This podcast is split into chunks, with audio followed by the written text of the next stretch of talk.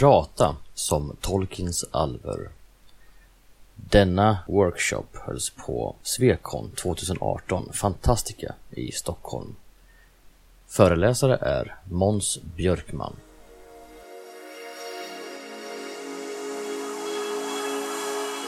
Svekon-poddar. En poddradio från svenska science fiction och fantasykongresser.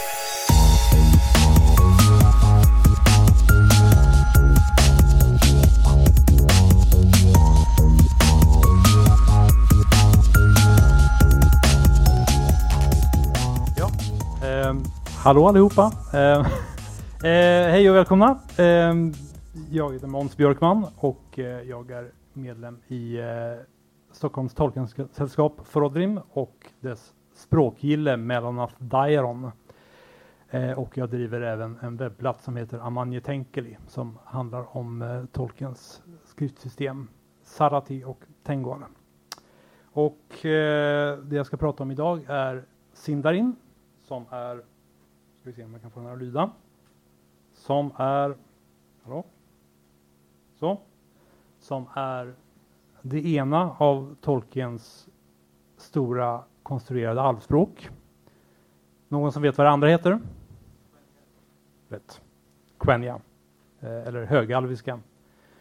Eh, men Sindarin är alltså det språk som talas av framförallt då Sindar, gråalver, men även människor i Midgård. Till skillnad från Quenya som kommer västerut ifrån, från, eh, från Valinor. Eh, det, man kan säga mycket om Sindarin och en viktig sak att veta är att eh, det finns ingen fullständig eh, och komplett bild av Sindarin som språk. Det finns ingen eh, officiell eh, grammatik och ordlista som Tolkien skapade för sina läsare utan eh, det det vi vet om Sindarin det är ett resultat av mycket ehm, eh, forskande och ehm, eh, i viss mån spekulerande. Men vi kommer återkomma till det. Så ja. Det finns många exempel på Sindarin i The Lord of the Rings. Um, om ni har läst The Lord of the Rings så hoppas jag att ni känner igen åtminstone ett eller ett par av de här. Um, är det någon som vet hur många av de här som uh, kom med i uh, Peter Jackson filmatiseringar?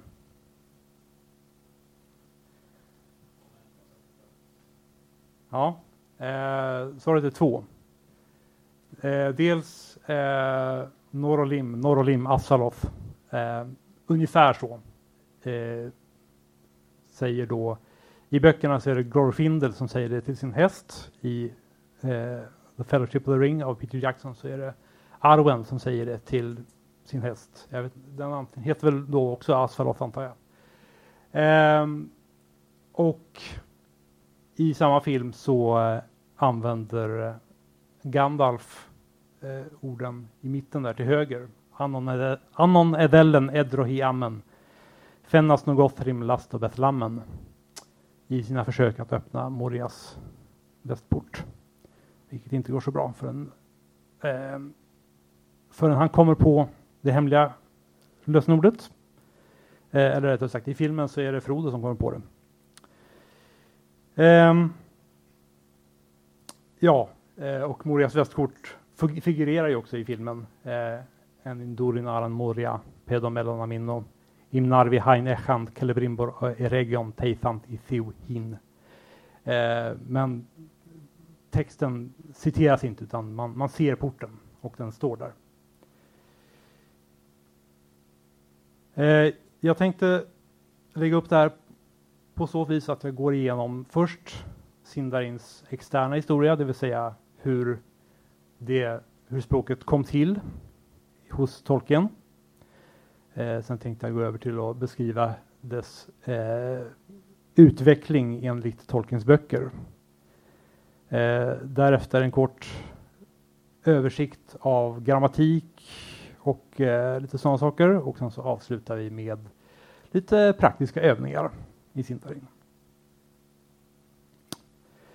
Om vi då börjar med den externa historien så eh, är upprinnelsen till Sindarin eh, Tolkiens eh, tidiga eh, upplevelser under 1910-talet.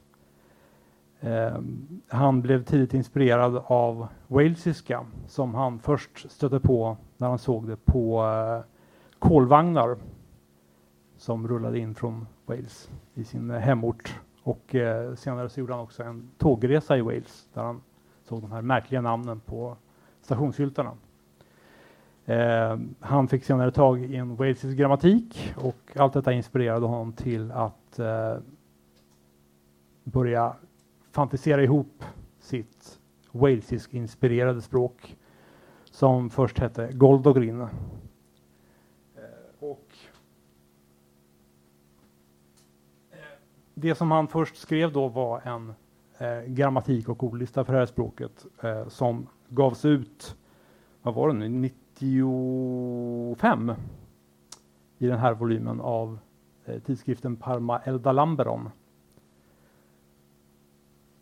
Och där kan man se Tolkiens allra första version av språket som eh, faktiskt är någorlunda fullständig.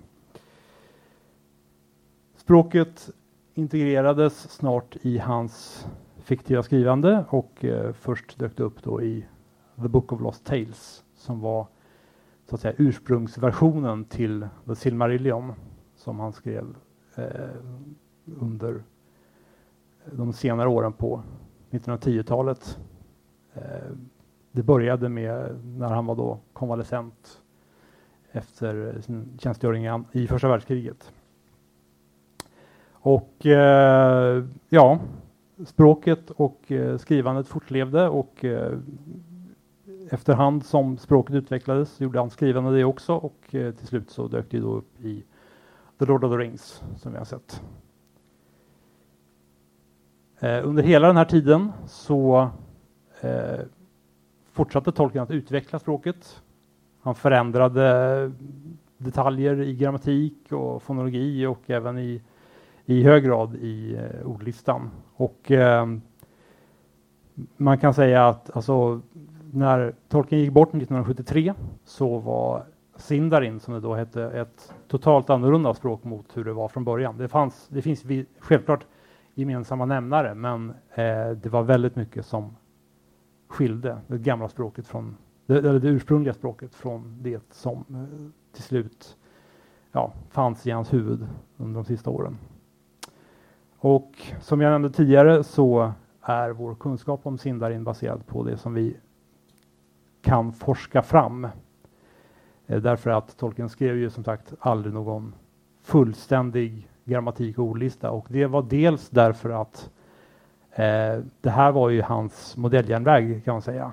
Det var liksom ingenting som han eh, någonsin färdigställde utan det var hans eh, hobbyprojekt och eh, det är möjligt att han hade kunnat producera någon form av grammatik och ordlista eh, efter att han publicerat Lord, Lord of the Rings. För att då hade han så att säga, då hade han en läsarbas och då hade han kanske kunnat få ur sig det. Men eh, varje gång som han satte sig för att skriva någonting om språket så utvecklades språket oundvikligen så att det var omöjligt för honom att eh, Eh, så att säga fångade i en specifik och fullständig bild.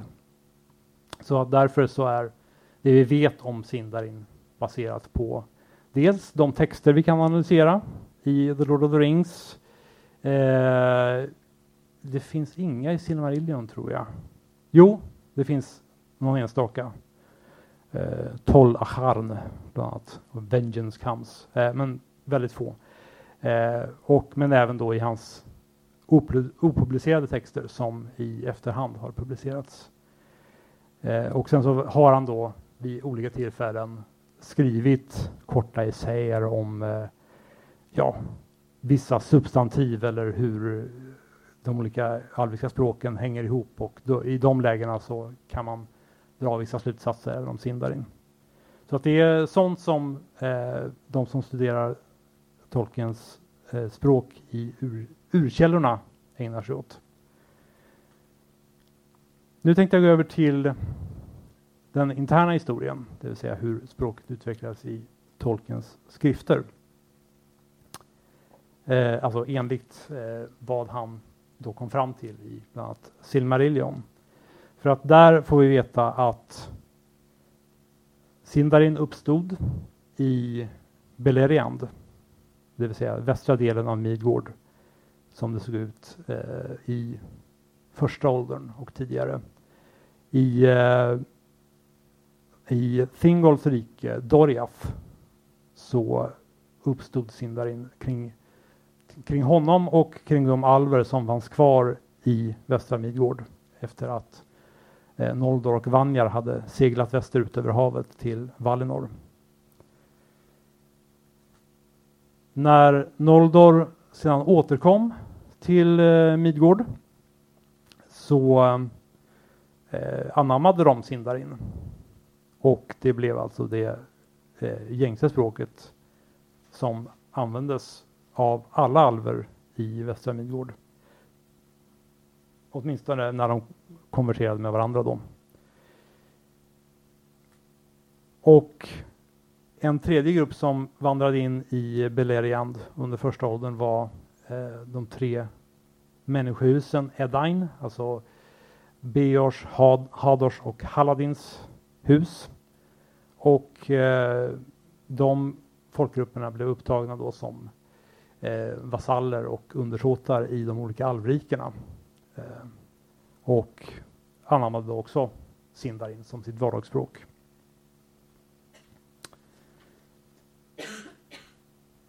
I eh, andra åldern, när Beleriand sjönk i havet, så eh, seglade ju Edain över till eh, den nyresta ön Numenor. Och eh, därefter kallades de för Dunedain, vilket är Sindarin för västmänniskor, eller väst-Edain. De fortsatte att använda Sindarin som en sorts eh, överklassspråk kan man säga. Eh, underklassen eller medelklassen eller vad man ska kalla de vanliga medborgarna på Numnor pratade adonaiska. Eh, men Sindarin hade väl ungefär samma status eh, på Numnor som franska hade i Sverige på 1700-talet kan man säga. Och eh, ja, eh, som eh, världsdelar plägar göra hos tolken så sjönk även Numnor i havet och eh, när de återvändande Edain kom tillbaka till Midgård så grundade de ju rikena Arnor och Gondor. Och där fortlevde eh, Sindarin som språk hos Dunedain, men även i de eh, alvriken som fanns kvar då, eh, bland annat i eh, Rivendell, alltså Vattnadal, eh, även i Lorien och eh, i viss mån i Mörkveden. Och i, i tredje åldern så talades Sindarin fortfarande av individer som Kate Blanchett och Viggo Mortensen. Eller Galadriel och Aragorn. Om vi då går över till grammatiken. Jag lovar att inte bli för långrandig och tråkig här. Ehm, men jag ska jag vill bara ge liksom en överblick för att eh, ni, ni, ska få eh, någon sorts insikt i de stora dragen i Sindarins grammatik. Eh, och om vi börjar traditionellt med substantiven så finns det, eh, ja, framförallt då kan man prata om pluralböjningen hos substantiven och eh, det sker vanligtvis genom omljud som fungerar likartat som eh, i tyska men även i svenska om man tänker på svenska man, män. Eh, men här är det då lite mer komplext. Här har vi några mönster. Ehm, och eh, i flerstaviga ord så är det ofta så att det, den andra stavelsen påverkas mera än den första.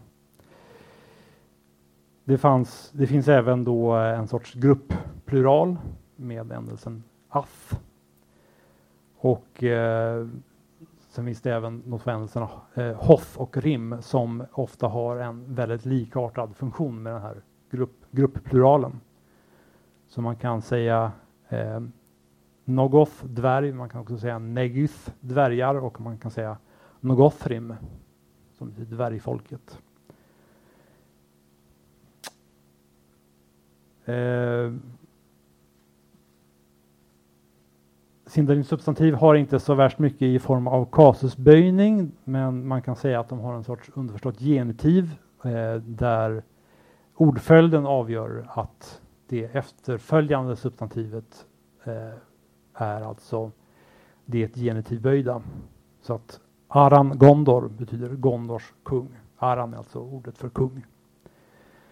Och det finns även eh, en sorts partikel n som eh, motsvarar engelskans of the. Så det är alltså en sorts bestämd form genitiv som används emellanåt. Vad gäller verben så eh, är vår kunskap om dessa tyvärr inte särskilt fullständig. Det finns diverse spridda källor på olika sätt som ger oss eh, blandad och ibland synbarligen motstridig information.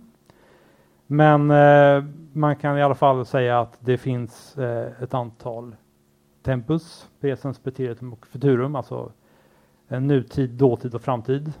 Eh, och sen så finns det då infinitiv och sen så finns det ett par partitivformer och eh, så finns det imperativ, alltså eh, för uppmaningar. Som, som i det här till exempel Norrolim Asfaloth, alltså Norro betyder spring. Eh, och det imperativ utmärks av det här o på slutet. Eh, vad gäller pronomen så finns det framförallt två mönster och det är dels att eh, subjektspronomen sätts som händelser på verb. Alltså jag eh, eh, ja, nu kommer inte på något exempel, men, men eh, ja, precis. Kerin, jag gör. Eh, det är alltså om man har verbet kar eh, som betyder att göra och så sätter man en som eh, betyder jag så blir det kerin, jag gör. Och även här så ser ni att det är, är, eh, är en form av omljud då på, på verbet. Och det är just omljud eh, dyker upp lite här och var i Sindarin. Eh, det är ett språk som är väldigt benäget att förändra ljud i olika, i olika tempus, och alltså olika böjningsmönster som vi kommer att få se mer av. Eh, sen finns det också då enstaka självständiga pronomen som nin, min och e, han. Och så verkar det finnas ett pronomen som betyder han, hon, hen, den, det. Och det kan antingen vara f eller est beroende på vilken källa man tittar i.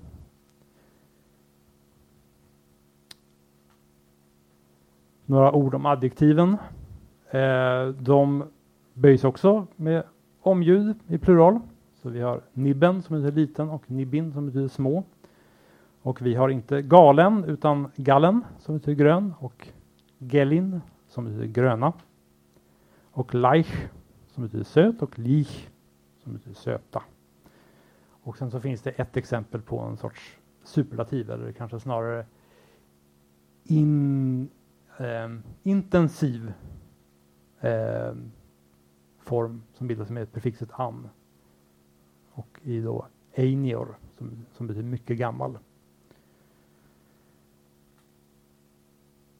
Om vi återkommer till det här med hur eh, sindaren har en förkärlek för att förändra ljud i olika sammansättningar eller olika böjningar så, så ser vi att ett väldigt genomgående drag är Sindarens mutationer som också är ett av de typiska lånen från eh, walesiskan. Eh, det finns väldigt mycket mutation i walesiska och eh, tolken hittade på en egen variant av det här mutationssystemet.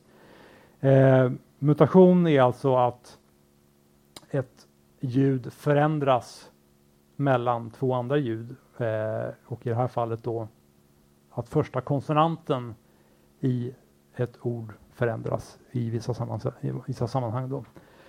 Och det förekommer efter bestämd artikel som i skärdir. Det förekommer efter diverse prepositioner, prepositioner bland annat na som betyder till. Så vi har hajred fjärran och nachajred till fjärran. Det förekommer på adjektiv efter eh, substantiv, det vill säga vi har koronir lan, eh, salmanvit. Eh, och där faller g helt enkelt bort från glan. Och eh, vi, det förekommer på eh, verb efter, nu ska vi se, ja just det, verb efter substantiv. Alltså bed, alltså bed som betyder talar. Um, och det förekommer även på objekt efter verb. Och, eh, som i last och beth. Och det förekommer i eh, efterledet i sammansatta ord som i edelcharn.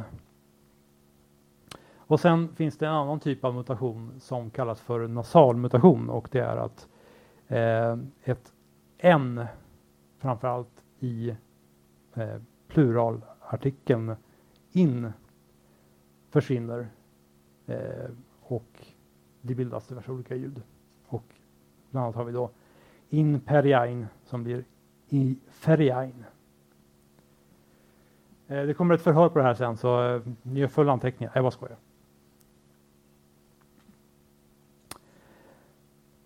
Ehm, um, gråalverna, Sindar, prat, eh, använde givetvis inte våra bokstäver utan de hade ursprungligen en sorts runalfabet som kallades för Kirth eller Kerthas och det uppfanns av en eh, alv som figurerar i Silmarillion som heter Dairon. Så att därför pratar man om Kerthas Dairon eller Dairons runor.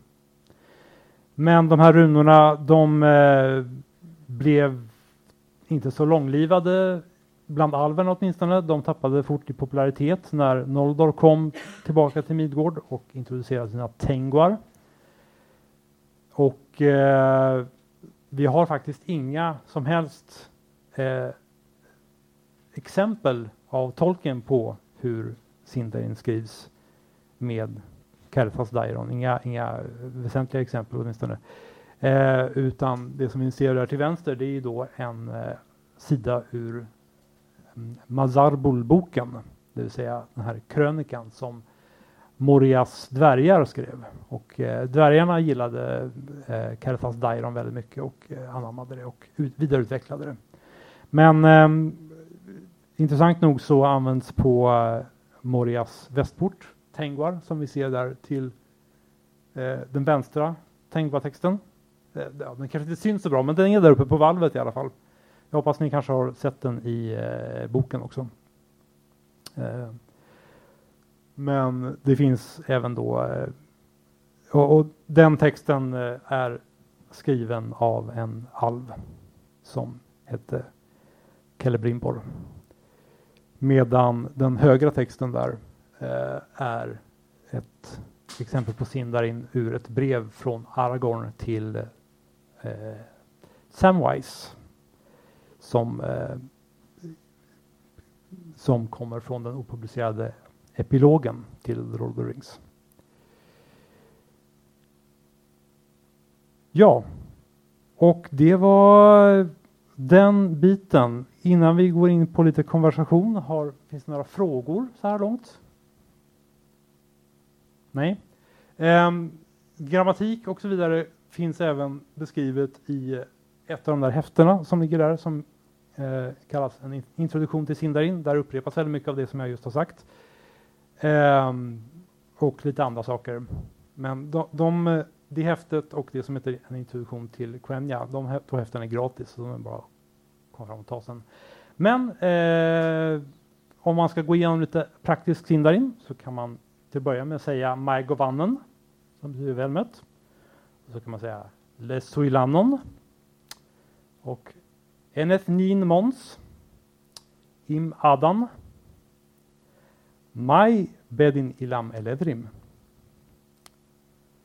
Tollen och Stockholm. Dorthona Orsta. Man Eles, Man Enethlin. Eh, så eh, ja, nu kan ni vända er till varandra och introducera er och eh, berätta lite om er själva. Varsågod.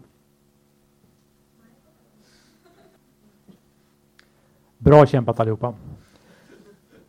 Eh, ja, några frågor? Tack för en sån fantastiskt förståndig publik. Eh, ja, så tackar för mig. Ja. Ja, eh, om man väljer att prata om väldigt specifika saker. det är som sagt, eh, det är ju väldigt många ord som saknas. Eh, när jag satte ihop de här eh, fraserna så var ju väldigt, fick jag ju leta efter sånt som faktiskt gick att säga. Eh, det, man kan till exempel inte fråga var bor du? För att, eller ja, alltså man kan säkert komma på ett intressant sätt att säga det på, men det, det finns inget så här givet sätt. Det finns inget ord för var och det finns inget ord för vem, vad vi vet. Eh, men ja, så där. Så att det, så länge man, man eh, håller sig till vissa specifika ämnen och eh, väljer sina ord med omsorg så kan man säkert kommunicera. Ja, Eh, det finns ju ett antal tusen ord, det gör det ju. Eh, kanske 3 till 4 tusen och sådär. Men det beror också på, det beror på var man drar gränsen för Sindarin. Därför att eh, det som tolken kallade för Sindarin, det eh, uppstod så att säga i sin någorlunda slutliga form i samband med att han skrev The Lord of the Rings.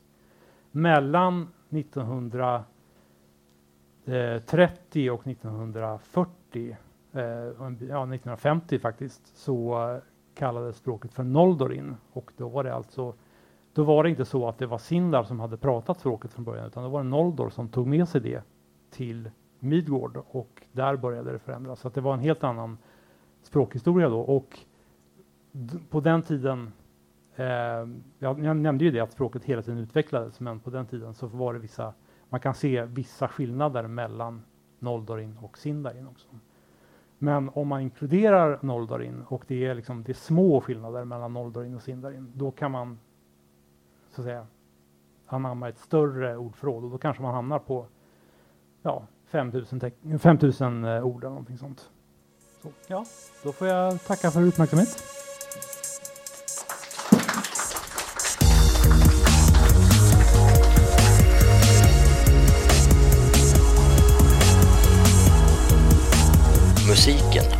Psychedelic Pedestrian från Free Music Archive.